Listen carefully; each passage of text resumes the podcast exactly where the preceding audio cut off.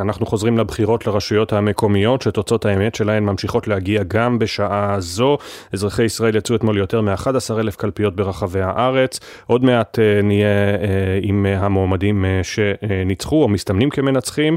תחילה סקירה קצרה של כתבי גלי צה"ל שעושים סדר בערים הגדולות המרכזיות.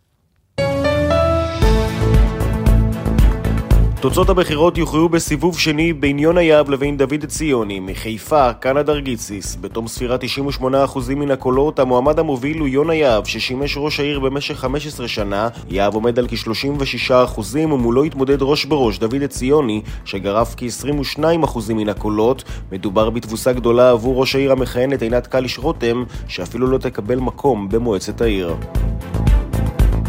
רון חולדאי בדרך לקדנציה שישית בתל אביב, כאן גל ג'רסי.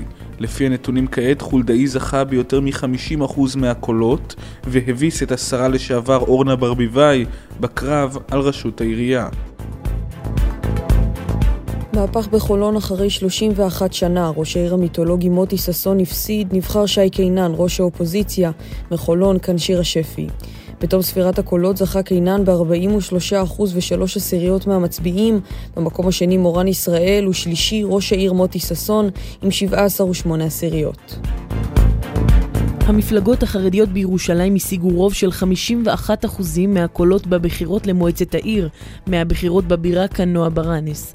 ראש העיר הנבחר הוא משה ליאון, שהשיג יותר מ-80% מקולות הבוחרים לראשות העיר. המפלגות הליברליות, האיחוד הירושלמי, קיבלו 11.7% מקולות הבוחרים והתעוררות עם 10.5%.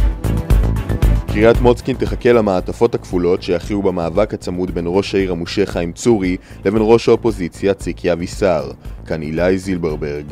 צורי, ראש העיר בשלושים השנה האחרונות, הושעה לאחר שהוגש נגדו כתב אישום בעבירות שוחד, מרמה והפרת אמונים, ולא יוכל לכהן לפחות בחודשים הקרובים, גם אם ייבחר.